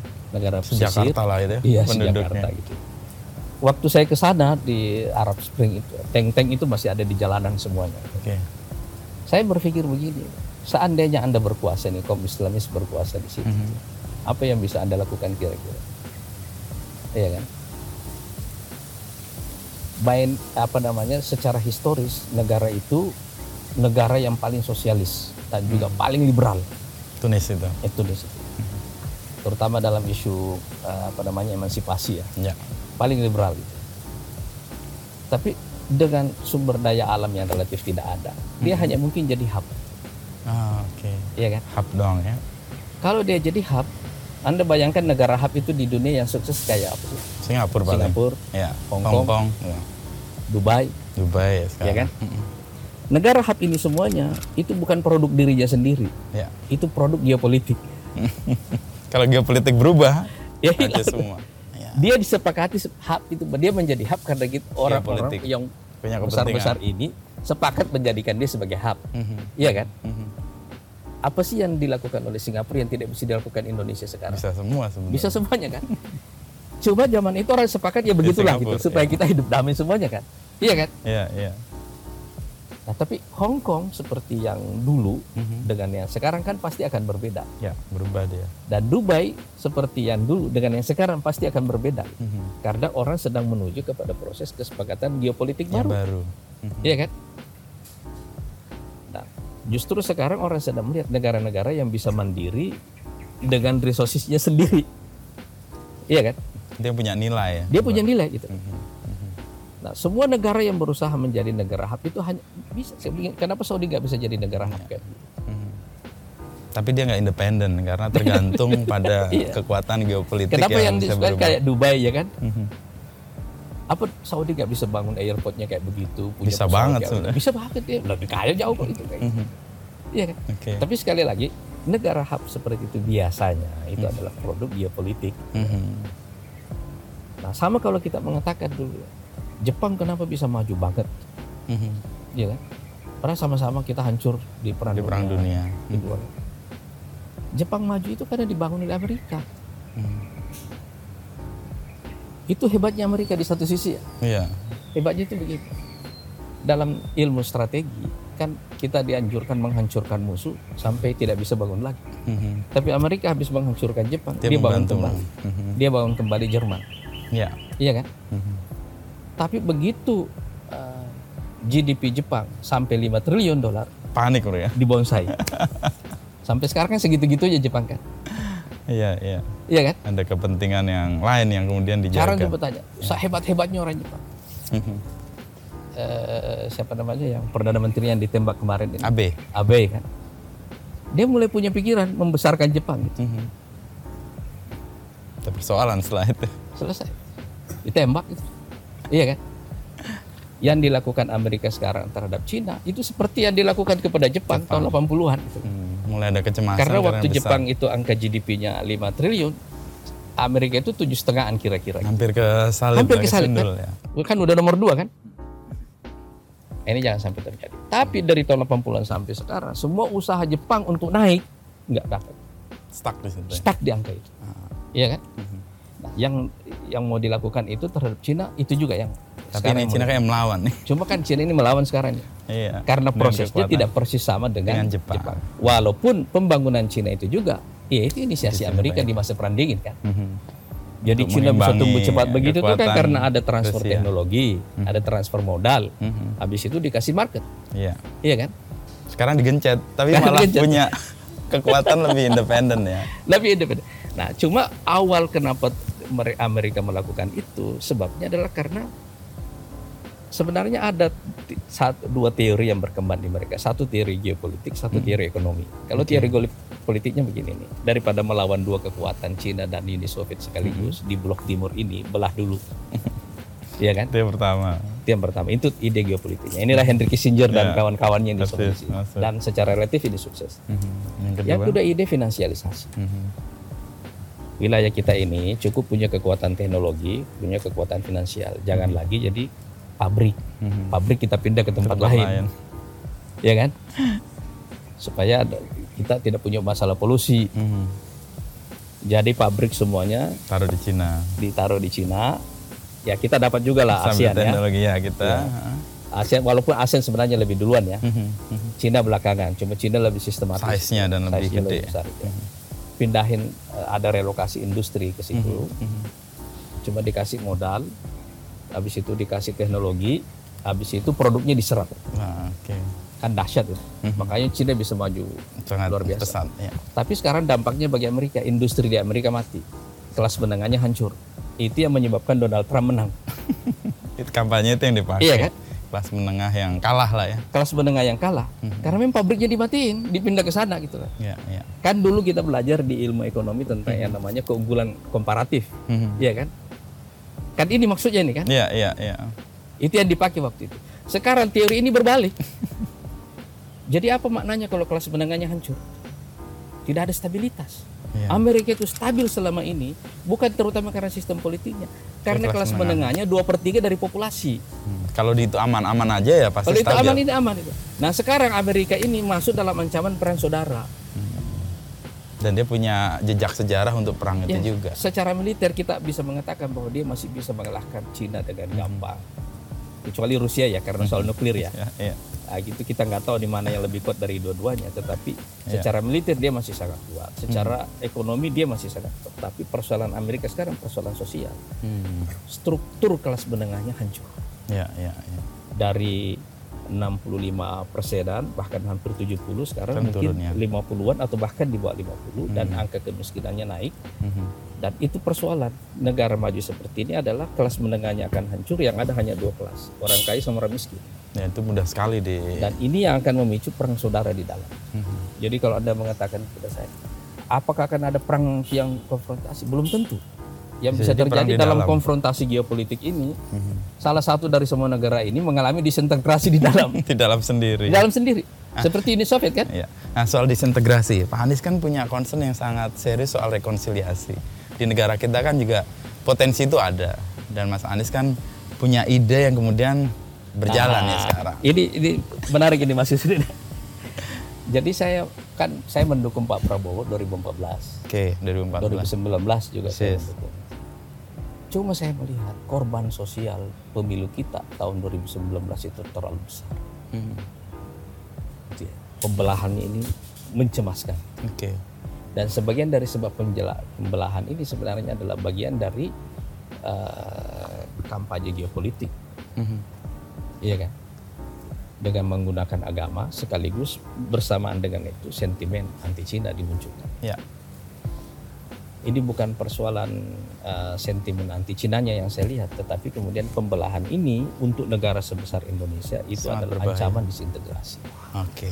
Ya. Bersamaan dengan itu kita menghadapi krisis global. Mhm. Jadi waktu itu kita sudah memprediksi dan sebenarnya prediksi-prediksi geopolitik begini yang menjadi latar belakang pemikiran kenapa Partai Gelora ini lahir. Oh, Oke. Kita udah melihat bahwa ini akan ada krisis geopolitik yang luar biasa. Panjang ya. Dan ada persoalan partai-partai politik, mereka mengalami diskontinu secara naratif. Yang saya katakan tadi itu. Juga ada persoalan degenerasi secara leadership, Ya. ya kan? Mhm. Itu itu aja gitu. itu itu aja kan.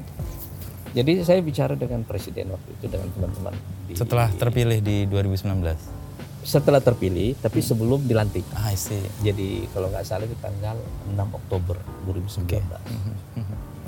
Saya bilang Pak, periode kedua Bapak ini seluruhnya akan ada dalam krisis geopolitik.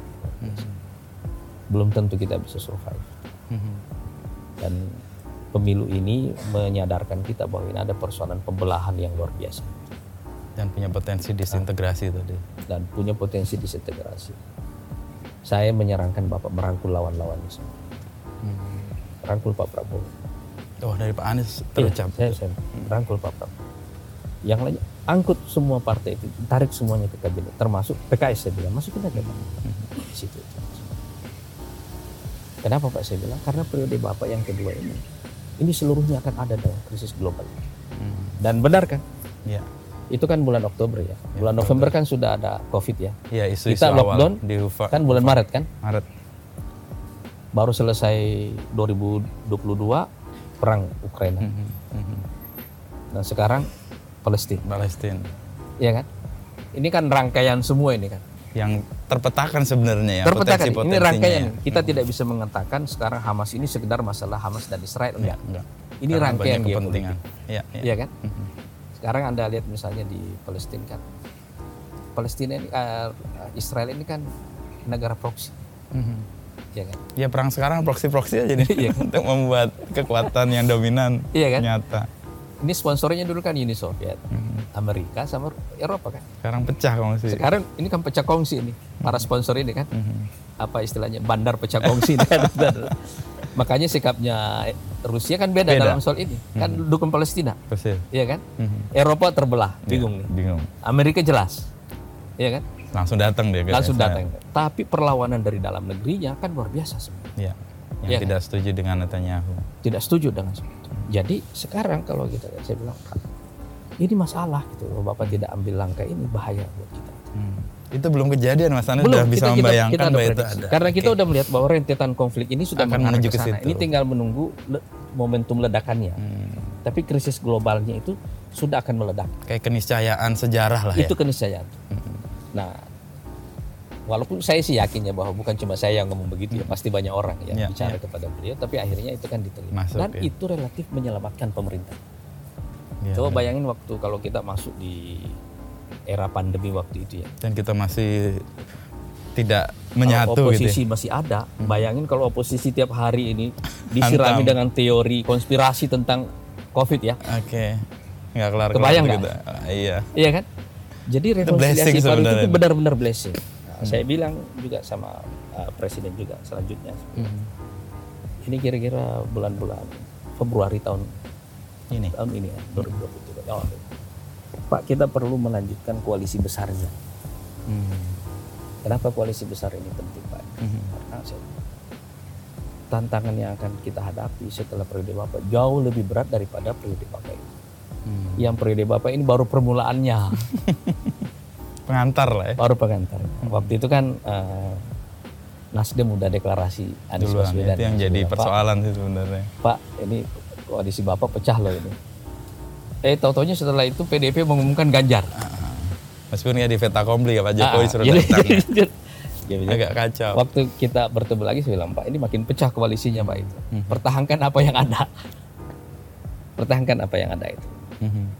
Dan saya juga bilang, Pak, rekonsiliasi ini mutlak kita lakukan. Mhm. Karena nanti seandainya misalnya nih, saya mendukung Prabowo sekarang yang ketiga kalinya, misalnya beliau menang, yang akan beliau hadapi jauh lebih berat daripada yang dihadapi oleh Jokowi. Jokowi. Mhm. Jadi apa yang pertama kali kita hadapi kalau ada tekanan global seperti itu? Nyatu. Persatuan. Mhm.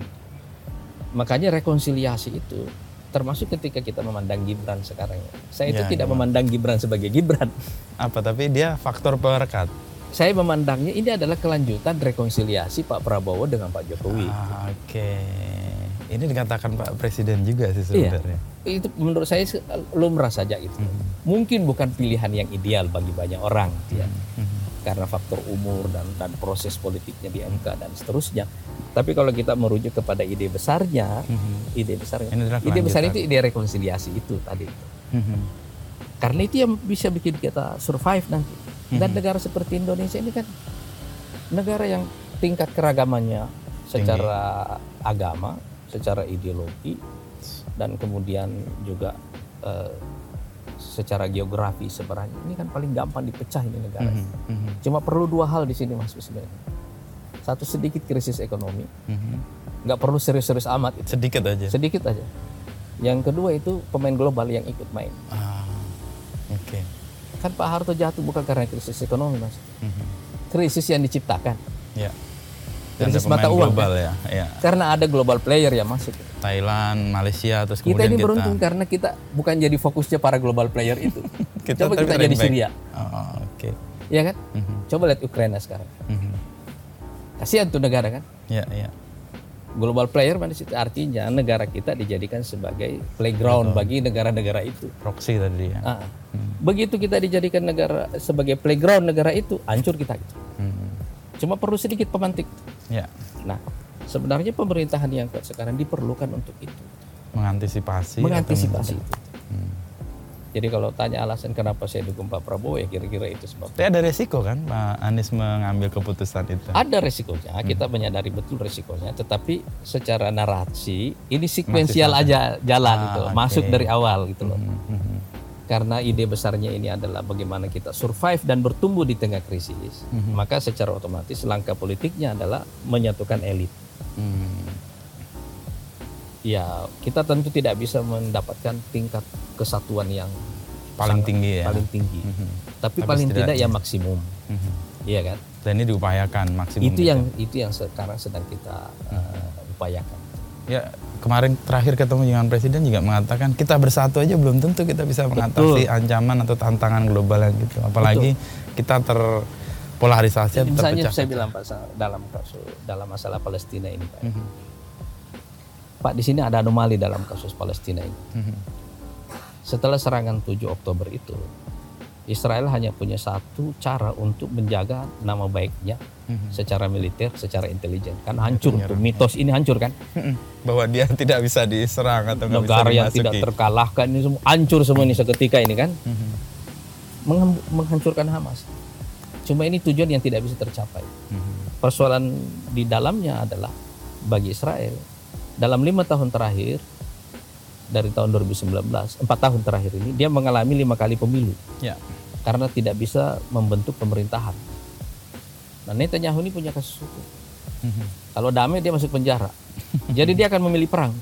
Supaya tidak segera masuk penjara. Ah, nah sekarang kalau perang dia nggak akan bisa menang kalau melalui eh, serangan darat. Jadi dia harus melakukan taktik Vietnam, perang Vietnam atau perang Yugoslavia. Mhm. Istilahnya genosida yang harus dilakukan kepada sipil dengan serangan udara. Mhm. Mhm. Pembantaian sipil melalui serangan udara. Kan itu yang dilakukan oleh Amerika di Vietnam, Ya, ya. ya kan? Diterapkan itu di juga situ yang ya. dilakukan Di NATO Yugoslavia. di Yugoslavia kan, kayak gitu. Coba kalau ini berkembang menjadi perang kawasan, ya kan? Apalagi kalau sebelum pemilu Wah iya. harga energi naik, Minyak lah terutama kita minyak sangat naik kan? tergantung. Nah, kalau minyak naik, presiden nggak bisa mengatasi, negara nggak bisa mengatasi, capres pun nggak bisa mengatasi. siapa? Siapa? Capres semuanya capres nggak bisa gitu. Mhm. Mhm. Jadi sebenarnya itu masalah besar. Pak. Coba kita lihat. Satu masalah. Makanya saya bilang Pak, segera lakukan langkah diplomatik. Untuk melakukan Untuk upaya. Mhm. Kalau nggak kita semua jadi korban. Mhm. Mereka- Collateral damage tadi Kita itu ya. jadi collateral damage lagi gitu. Bahaya Pak. Kan kita misalnya impor minyak kita kan hampir saya nggak tahu angka persisnya sekarang ya, tapi, Tapi kita sangat tergantung lah. ya. itu umumnya dari Saudi, Mhm. dari Iran. Mhm. Dan begitu harga naik, Begitu wah. harga naik kan, masalah, iya kan? Mhm. Nah, jadi di tengah konflik geopolitik yang sekarang ini yang sangat kita perlukan itu adalah persatuan elit dan Mhm. itu rekonsiliasi. Cuma memang ya kita nggak bisa mencapai maksimal angka maksimalnya, ya. kesatuan maksimumnya. Ya yang yang sebanyak mungkin yang bisa kita satukan itulah yang kita. Eh, pengalaman 2019 mungkin nggak nanti 2024 setelah pemilu terjadi rekonsiliasi pihak-pihak yang Nah, itulah bagusnya sistem ini. Kan udah dimulai itu Iya kan, sebenarnya jadi- udah ada Jadi presidennya. kalau dalam sistem parlementer itu Mhm. koalisi itu kan mutlak, ya tapi koalisi dalam sistem parlementer dilakukan setelah pemilu, Pemilu. untuk membentuk pemerintahan. Kalau dalam sistem presidensial bisa Nggak dua bisa. kali. sebelum sama setelah. Satu untuk menentukan calon presiden karena ada threshold 20%. ya Satu lagi untuk membentuk pemerintahan, Mhm. ya kan? ya Jadi sangat mungkin bahwa sekarang setelah kita tempur setelah pemilu itu bisa menyatu nyatu lagi. Makanya saya juga bilang kepada para tim sukses nih kandidat dan semua lain kandidat yang lain ini jangan terlalu keras gitu. Sisakan ruang untuk berdamai gitu loh. Asik. Kan gak enak menarik menarik omongan kan gak enak gitu. loh. Kita udah mencela capres ini capres Ternyata, itu sebenarnya habis ya. itu gabung gitu kan nggak bagus. Mhm. dan potensi gabung itu sebenarnya kan potensi yang bagus ya Potensi bagus dan saya. itu ya tadi saya cerita saya pernah ke suatu negara ketemu editor-editor dari negara lain itu dia bertanya itu Indonesia gimana dijelaskan dua calon kandidat yang berseberangan bisa bersatu dan itu how Ah itu enaknya Indonesia. nah, karena begini Mas kalau Mas nanyain itu ya. Tahun 2013 dulu saya bikin penelitian. Mhm. Apa sih core value masyarakat Indonesia itu? core value-nya Nilai intinya apa sih? Mhm. Saya ketemu dua hal. Mhm. Yang pertama itu agama, yang kedua keluarga.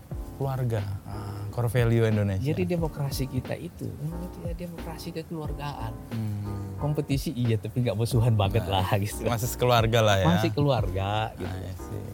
Jadi itu yang bikin orang juga susah membacanya di luar sana gitu kan. Mhm. Di luar sana kan orang terlalu dipisah oleh narasi, oke iya kan? Jadi begitu ini beda apa namanya? Maka harus berseberangan. terbuka, ya, harus berseberangan. Dan orang terbiasa dengan pemerintah dan oposisi. Mhm. padahal kita nggak ngeblend Nah, kita kan Keluarga. kebetulan- bisa gak sih kita bikin bukan seperti model Cina, Mhm. bukan juga seperti model Amerika. Eropa dan Amerika, Mhm. ya model kita sendiri, iya kan? Ada demokrasinya, ada prosesnya itu semuanya, Tapi ada tapi kekeluargaannya. suasana kekeluargaan. Hmm. Bisa dong. gitu. Bisa. Dan itu model baru Model mungkin baru jadi superpower yang baru Iya. tadi. Kenapa peristiwa politik itu harus menghancurkan kita secara sosial? Dan harusnya nggak perlu juga. Ba- bagusnya kan bagusnya adalah nilai sosial kita ini justru menyatukan kita secara politik. Hmm. Kan bagusnya kan begitu. Ya, agama sama keluarga tadi. Agama sama keluarga tadi itu. Hmm. Makanya memang ya susah lah kita memisahkan agama dengan politik di Indonesia nggak mungkin. Kita kembali ke tadi ya. Kembali lagi gitu. Dan itu mencegah supaya kita nggak ada degenerasi Disintegrasi, tadi, iya. disintegrasi. Nah, sekarang discontinuity. negara-negara besar kayak misalnya Amerika sekarang, Hmm. nanti Rusia, Cina, India. Ini ancaman terbesar mereka itu tuh disintegrasi. Ya, ya. Mas ini misalnya Cina ya, Mhm. kan kita belum tahu nih tingkat elastas, elastasitasnya secara sosial begitu Mhm. pertumbuhannya misalnya di bawah 4%, Mhm. seberapa kuat dia bertahan Ya.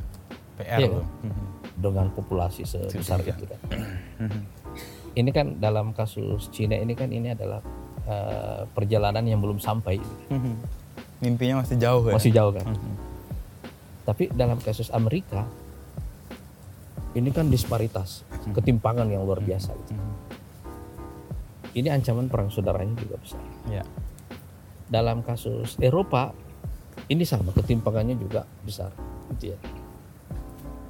Cuma kalau Eropa ini kan sistemnya lebih lain ya Mhm. dibanding Amerika, gitu. Amerika atau Walaupun size-nya secara populasi sebenarnya tidak terlalu jauh gitu ya.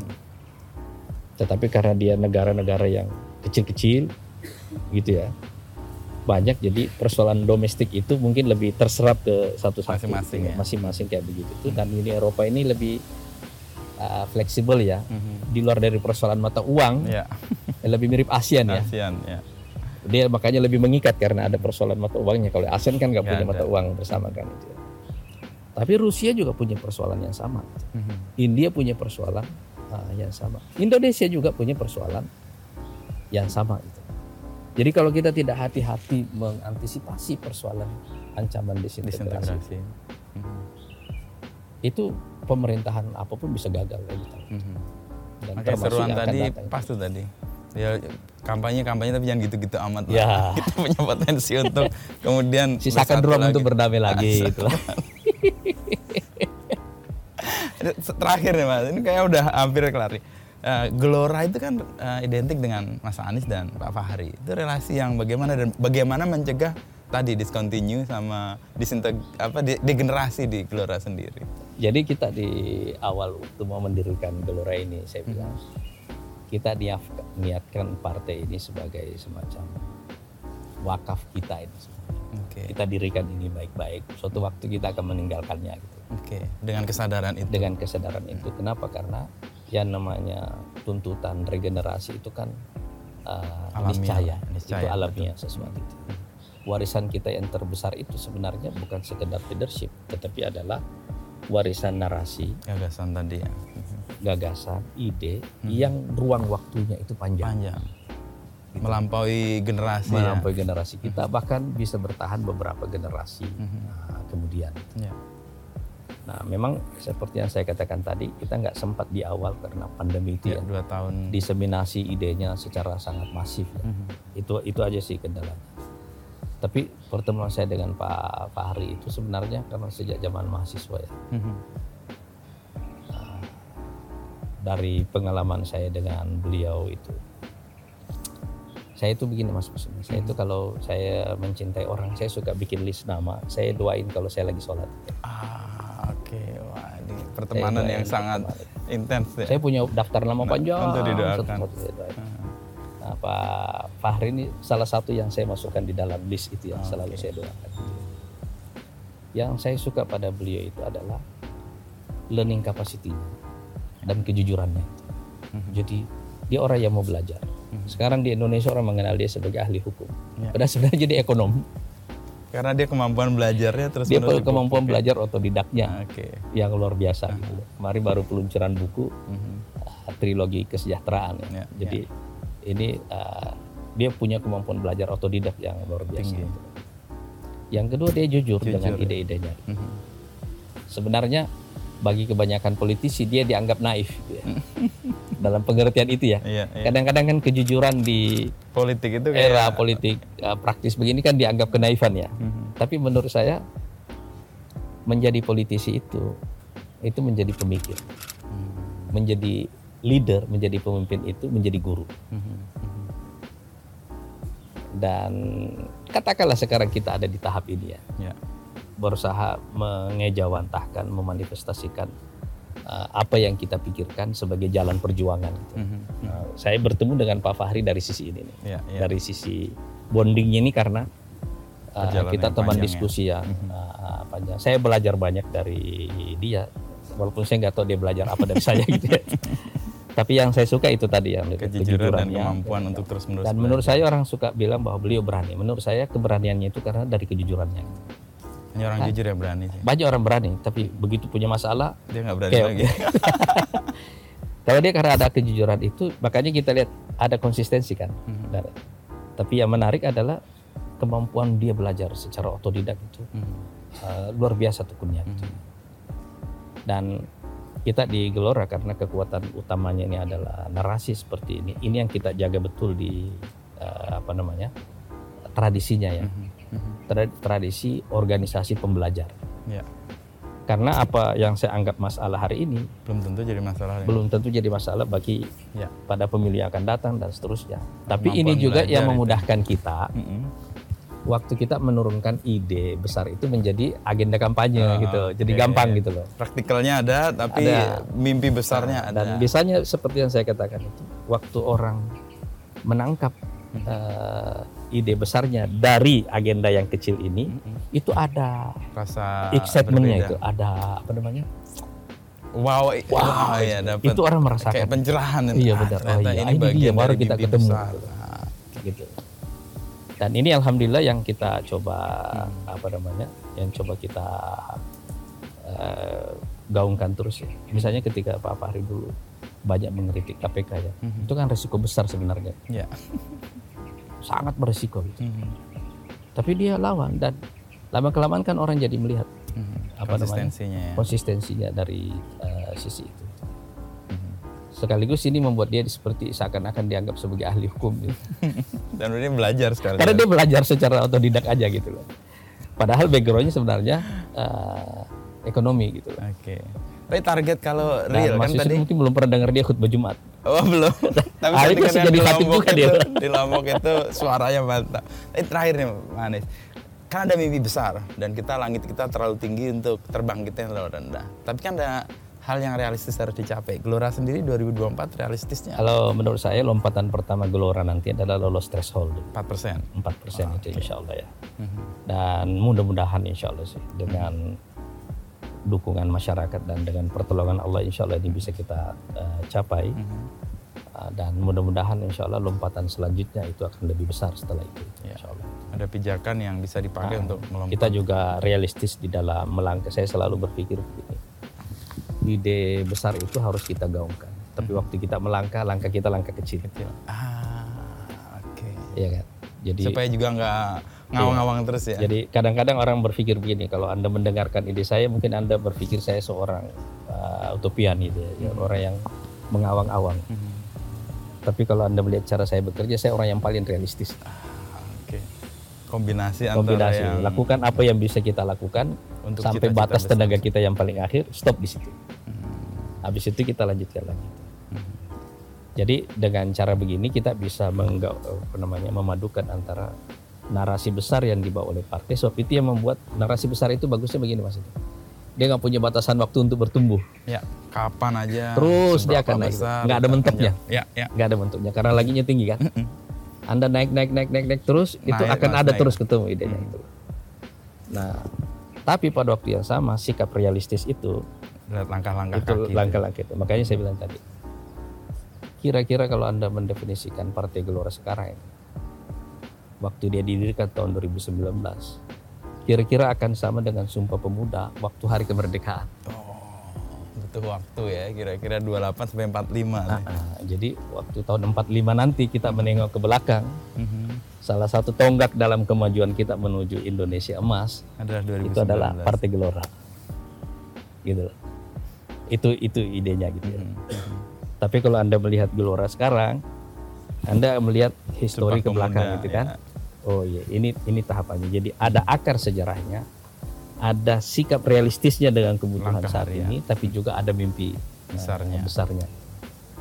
Jadi setiap waktu kita menengok ke belakang, kita tahu pijakan kita di mana. Tapi Dan begitu kita melihat ke depan, kita tahu ke mana kita Wah, berjalan itu pentingnya gagasan itu dan realistis. dan realistis.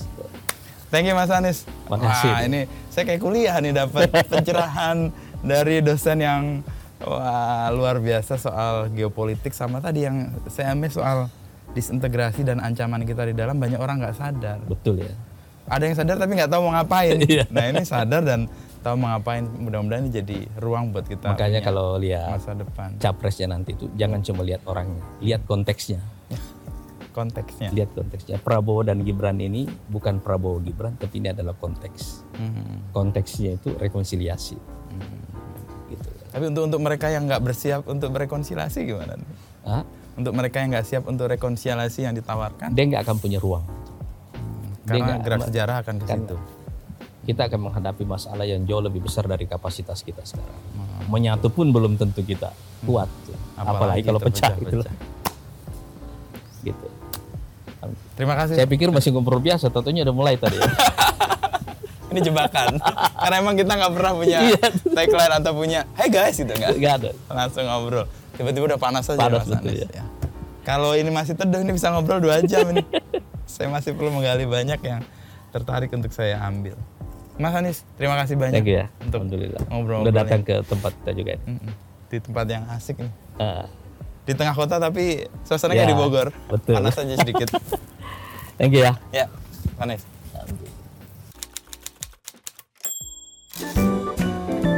Bersama saya Wisnu Nugroho, inilah Beginu. Bukan begini, bukan begitu.